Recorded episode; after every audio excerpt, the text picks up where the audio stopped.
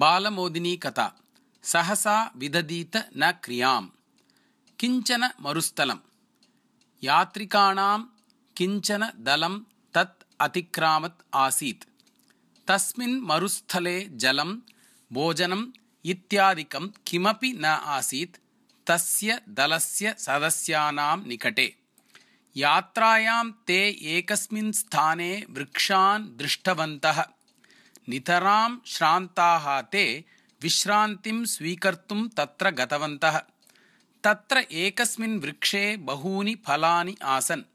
सर्वे अपि दलसदस्याः तानि प्राप्तुम् उत्सुकाः अभवन्।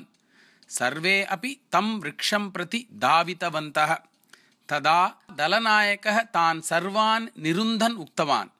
यदि एतानि फलानि उपयोगयोग्यानि स्युः तर्हि इतः पूर्वम् एतेन मार्गेण गताः जनाः एतानि खादितवन्तः स्युः। तदा तु अत्र फलानि न भवेयुः। यतः फलानि समाप्तानि अभविष्यन्। इदानीं तु अत्र बहूनि फलानि दृश्यन्ते। मम तु भाति यत् एतानि खादनयोग्यानि न स्युः इति। अतः आदौ एतेषाम् उपयोगितायाः परीक्षणं वरम्।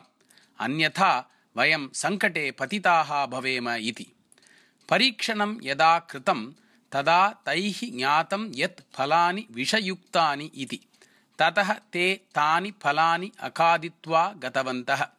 एवं प्रकारेण दलनायकस्य योग्यताकारणतः दलस्य रक्षणं जातम् अतः अस्माभिः अनायासेन प्राप्तस्य वस्तुनः उपयोगितायाः परीक्षणं कृत्वा एव उपयोगः करणीयः भवति।